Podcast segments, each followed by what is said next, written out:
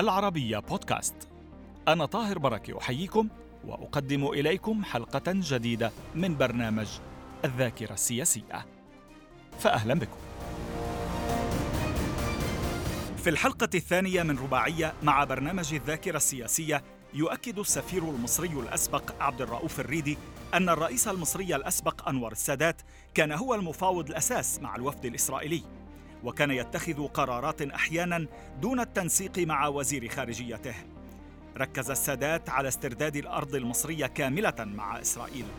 وكان رئيس الوزراء الإسرائيلي وقتها مناحيم بيغن يصف فريق وزارة الخارجية المصرية المشارك بالمفاوضات بالعصابة. كان للموقف العربي المعارض للمفاوضات تأثيره على الموقف المصري.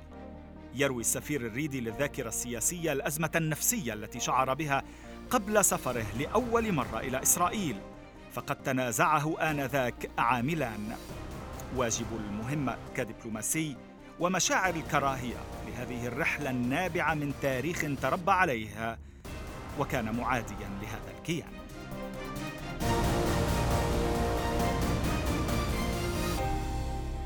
أهلا بكم معنا سعد أهلا بكم. مجددا. ذكرنا آه، الكثير عن محمد حسن الزيات في الحلقة الأولى ولكن لم نفهم كثيرا لماذا أخذ إسماعيل فهمي دوره بهذه الطريقة وهو موجود على رأس وزارة الخارجية ولكن كان يتابع كل الأمور من الولايات المتحدة. لا يعني هو آه، محمد حسن الزيات وزير الخارجية وجه نيويورك وزي ما حكيت لك وألقى البيان وظل في نيويورك. ظل في طيب بس ليش السادات يبعث إسماعيل فهمي ليقابل المسؤولين الكلام ده كان من 6 أكتوبر فضل زياد في في نيويورك. أي. عبد الحليم خدام تاني يوم لما زرناه قال إن هو رايح على طول على صحيح دمشق. كان يجب في رأيي أنا إن كان يجب إن زياد أول الحرب ما حصلت إن هو راح القاهرة. ومارس دوره كوزير خارجية من مكتبه كوزير, كوزير يعني هناك من استغل هذا. فراغ هذا الموقع لا ما استغلش. يعني اسماعيل فهم مش حكايه استغلال. هو رئيس الجمهورية كان لازم يلاقي حد يملأ هذا هذا المكان طالما إن وزير الخارجيه قاعد في نيويورك. يعني السادات ما كانش يقدر يقول لزياد لا كان يقدر طبعا بس هو لا ما هو إزاي ما هو السادات طبعا كان عنده برضه فكرة كويسة عن عن إسماعيل فهمي وكان شايف يمكن إسماعيل فهمي هيبقى عنده قدرة إن هو يتواصل تمام. لعل ذلك آه، مش لعل ولكن ذلك تغير فيما بعد على أثر إعلان السادات نية زيارته. القدس استقال آه. وزير الخارجية إسماعيل فهمي ليطلب من آه، محمد رياض وكيل الوزارة أن يحل مكانه ولكن ليرفض أيضا. وخسر الموقعين. وزارة الخارجية ووكيل الوزارة. هو هو على حسب يعني كلام محمد محمد ده اصله كان صديق حبيب جدا يعني. محمد رياض. آه. يعني قال له والله هو ما ما, ما قال تحدثت مرارا معه بهذا الموضوع. آه يعني ما قاليش إن أنا ابقى وزير. لكن هو ابتدى يبقى يحط أسئلة. الرئيس مبارك مش السادات. لا اللي كان نائب الرئيس. آه لا أيوة. مع مع, مع الرئيس مع نائب الرئيس. طبعا مبارك العسكريين صدر أمر بينفذ على طول. المفروض كده. نعم. لكن هو بدا بدا يطرح تساؤلات. تساؤلات. ما, ما تعرضش عليه المنصب رسميا ورفض واخد بالك؟ أه. لكن ابتدى يتساءل طب وهل ده يبقى مفيد؟ وهل ده يبقى مش عارف إيه؟ وهل ده؟ فمبارك على طول اعتبر ده رفض. واخد بالك؟ بس وقال له هيوزع له راسه يعني. اصل هو أصل محمد رياض وإسماعيل فهمي فيري قريبين جدا من بعض. أها. محمد رياض وإسماعيل فهمي. يعني تأثر بموقف إسماعيل فهمي ربما. هم تأثر طبعا بموقف إسماعيل فهمي. ده تماما. برضه في هذا يعني. حتى محمد إبراهيم كامل ورغم تعيينه كان مسلسل الخلاف قائما بينه وبين السادات منذ البداية. شو السبب؟ شوف السبب أنا أقول لك.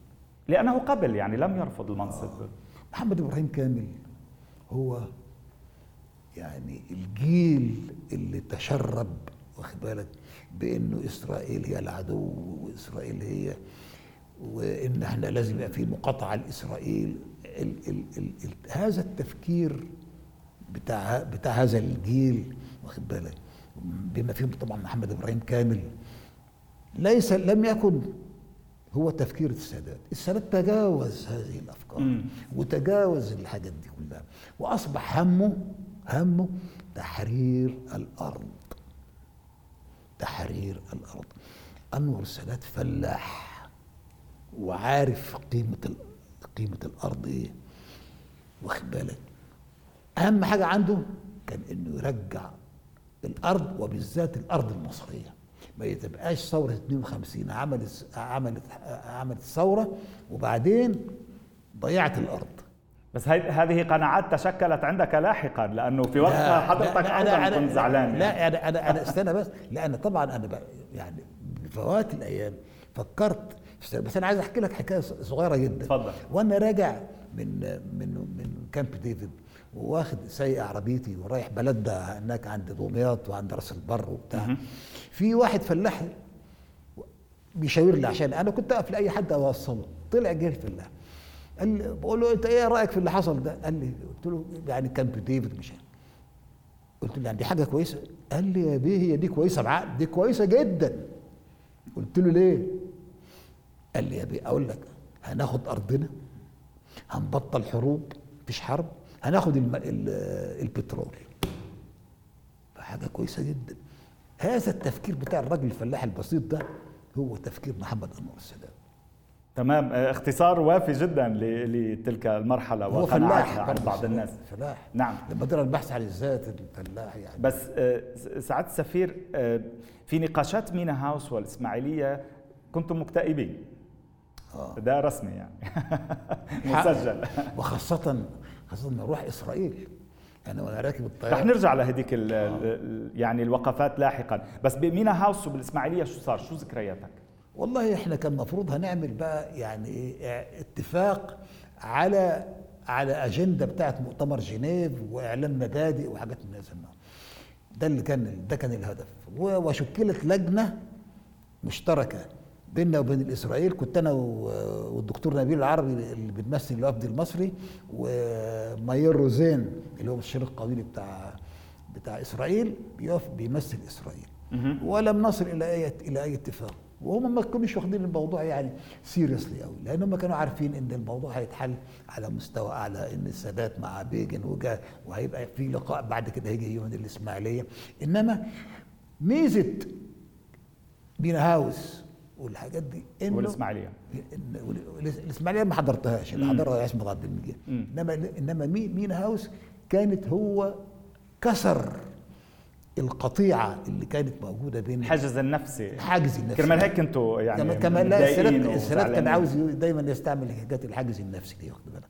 كيف تصدى عصمت عبد المجيد بما أنك ذكرته للإسرائيليين بموضوع إبقاء مستوطنات إسرائيلية على الأراضي المصرية؟ عصمت عبد المجيد عندما تصدى لمناحيم بيجن أيوة أيوة. بموضوع إبقاء المستوطنات الإسرائيلية. تصدى أيضا في موضوع حق تقرير المصير بالذات للشعب الفلسطيني. كان صلب عصمت عبد المجيد كان رجل دولة قوي عصمت كان عنده يعني مبادئ وكان وكان راجل قانوني وراجل وطني مية مية فهو هو اللي هو اللي بقى في وش المدفع زي ما بنقول لأنه هو راح راح الإسماعيلية ما حدش تاني راح. كان محمد إبراهيم كامل لسه ما تعينش وزير خارجية.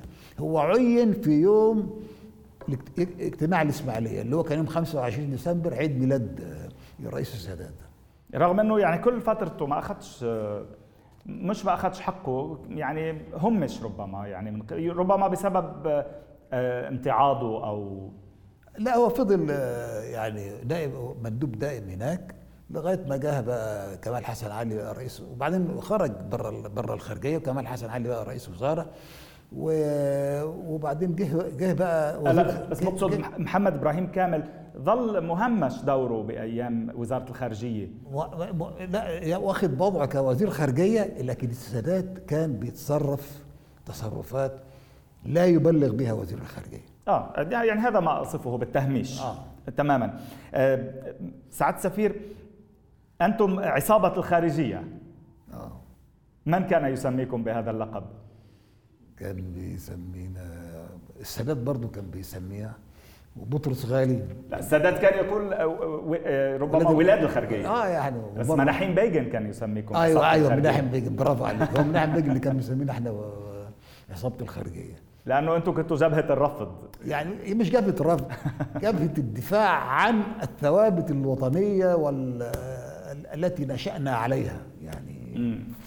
بس. ف... ولكن لاحقا ربما يعني تيقنتم أنه هذا كان الصح اللي عمله السادات. من أي لحظة تيقنت بأنه هذا صح أو لا؟ ضليتك مصر على هو من الحاجات اللي تبتدي تخلي تحصل مراجعة.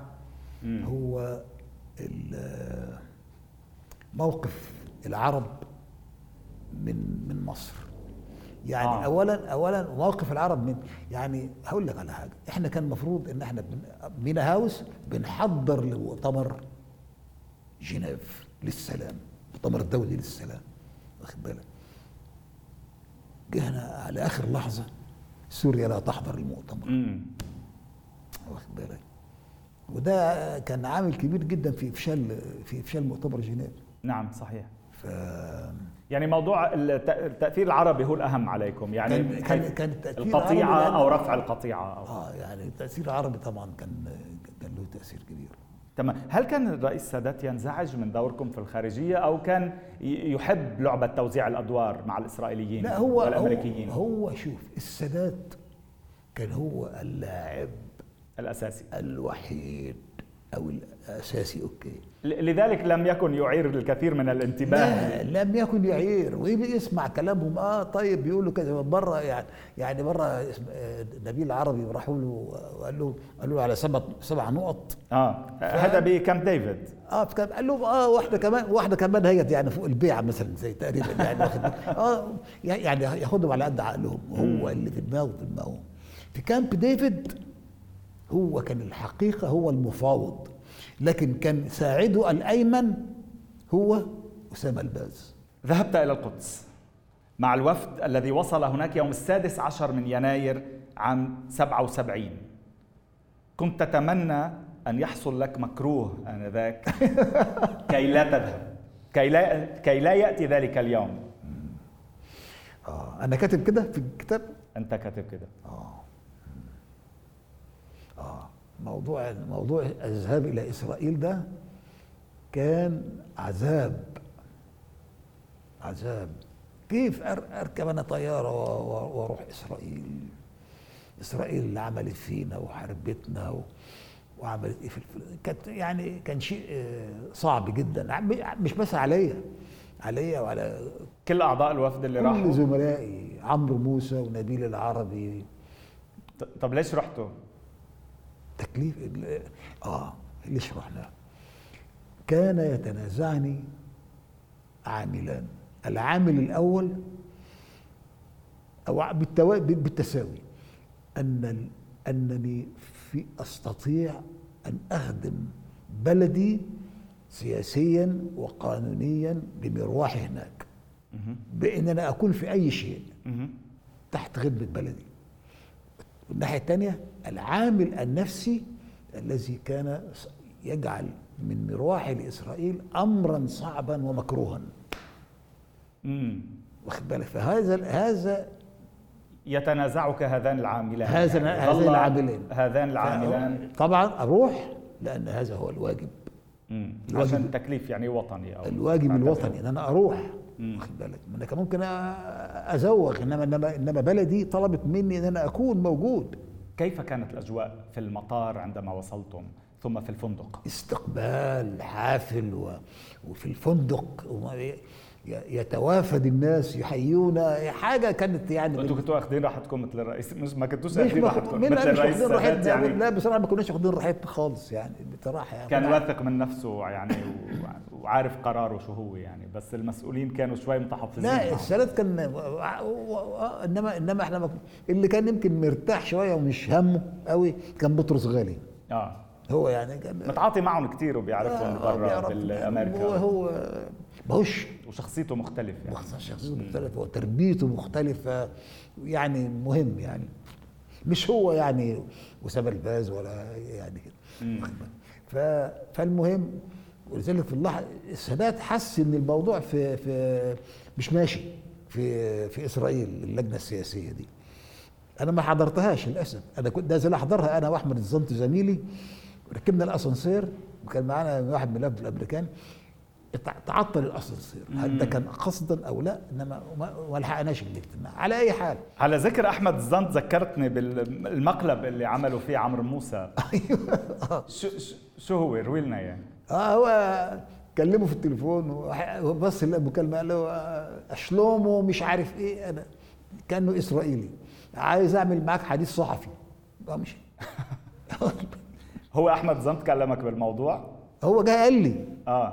كان صديق قال لي قلت له يا أحمد يعني قال لك شو بدي أعمل؟ آه. آه يعني ده أنا مش- قلت له طبعا ولا, ولا تسأل في الحكاية دي خالص ولا بتاع يعني. كنت عارف بالمقلب ولا لا طبعا ما كنتش؟ عارف. لكن هو تبين بعد كده إن كان الاثنين أسامة الباز وعمرو أسامة الباز كان مشترك. أيضا كان- بالمقلب مع عمرو موسى. مأدبة العشاء التي أقامها مناحم بيغن على شرف وزير الخارجية محمد إبراهيم كامل.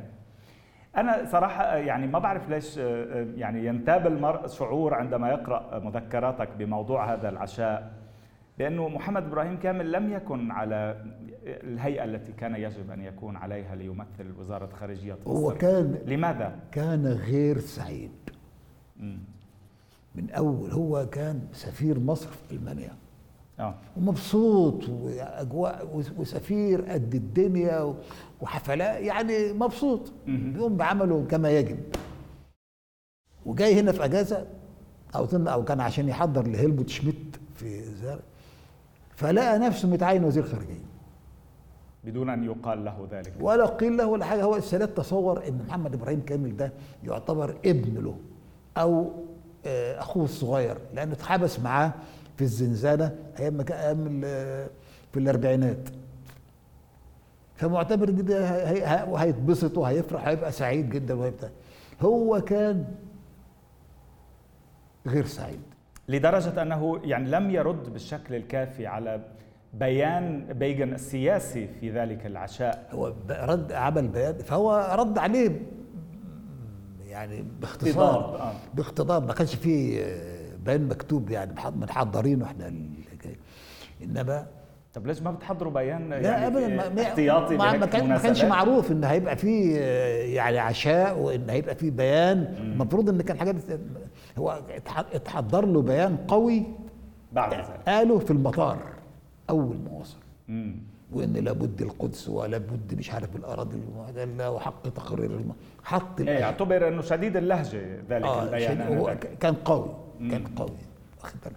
فهو هو بيجن رد على البيان ده رد عليه في العشاء. أها.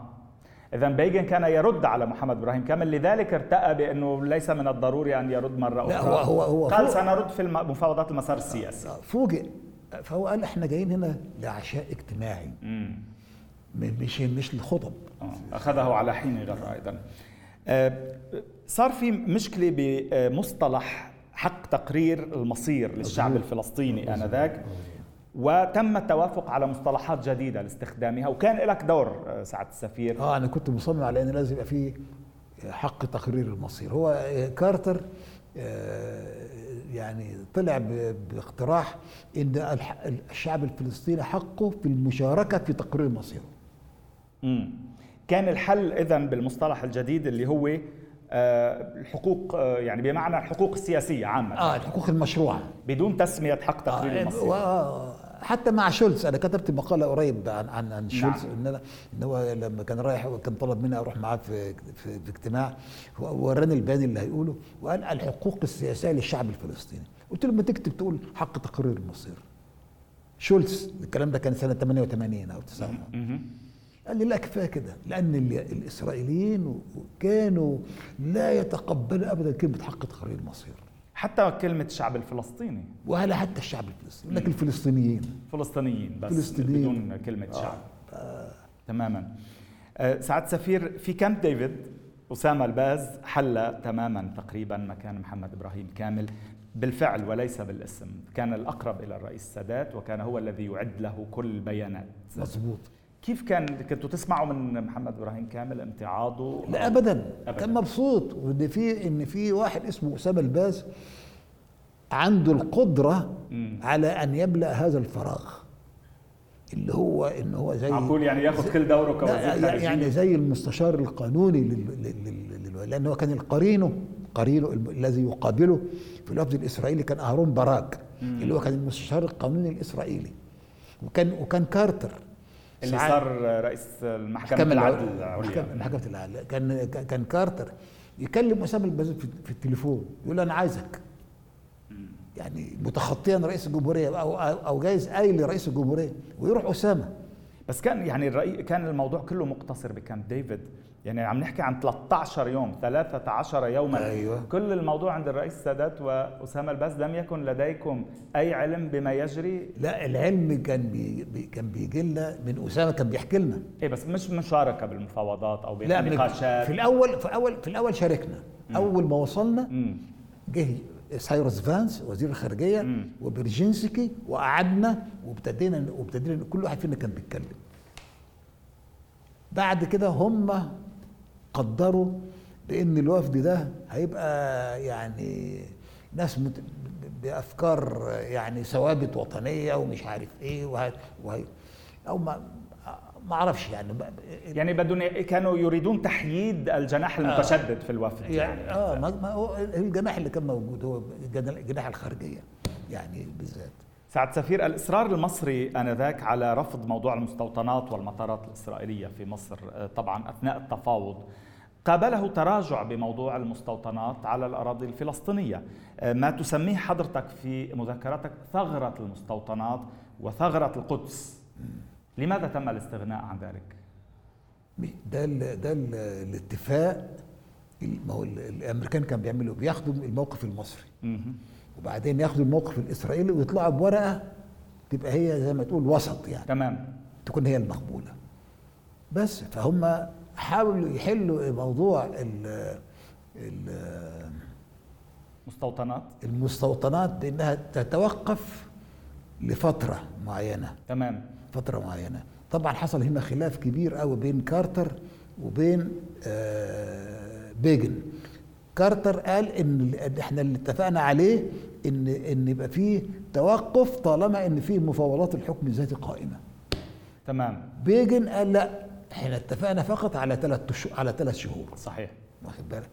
ففي النهاية ما ما- حصلش اتفاق. لم يصر السادات كثيرا على لا ده لك ده بعد المفاوضات واعلن الاتفاق وانتهت. وانتهى الموضوع. إيه بس إنه هو أيضا تخطاها. آه. يعني لم ينتظرها كي تحل كي تحسم. لا ما هو ما لا كجزء من التفاوض. لا يعني هو يعني هو موضوع المستوطنات وموضوع القدس قبل هو ان إن إن كارتر يقول إن إن أمريكا تتمسك بالموقف اللي اعلنه اللي أعلنه يوست. وأظن جولدبرج في مجلس الامن مش كفاية مش كفاية عشان يقول القدس تبقى تبقى مدينة آه، يعني آه، اولا في أراضي محتلة ويعني تبقى ومدينة لها لها وضعها الدولي ولها مقدساتها. ما قالش كده كارتر. إنما كا- كا- كارتر قال إن أنا برجع للكلام اللي قاله المندوب الأمريكاني في مجلس الأمن اللي هو يوست اللي هو سفير يوست والسفير جولدبرج اللي هم أكدوا فيه على إن على إن القدس الشرقية هتبقى ما- ما زالت أرض جزء من الأراضي الأراضي المحتلة. طيب سنتوقف هنا سعد سفير. اسمح لي نتابع في بداية الحلقة المقبلة. آه. إذا سمحت. نتابع وإياكم في بداية الحلقة المقبلة من الذاكرة السياسية. أرجو أن تكونوا معنا.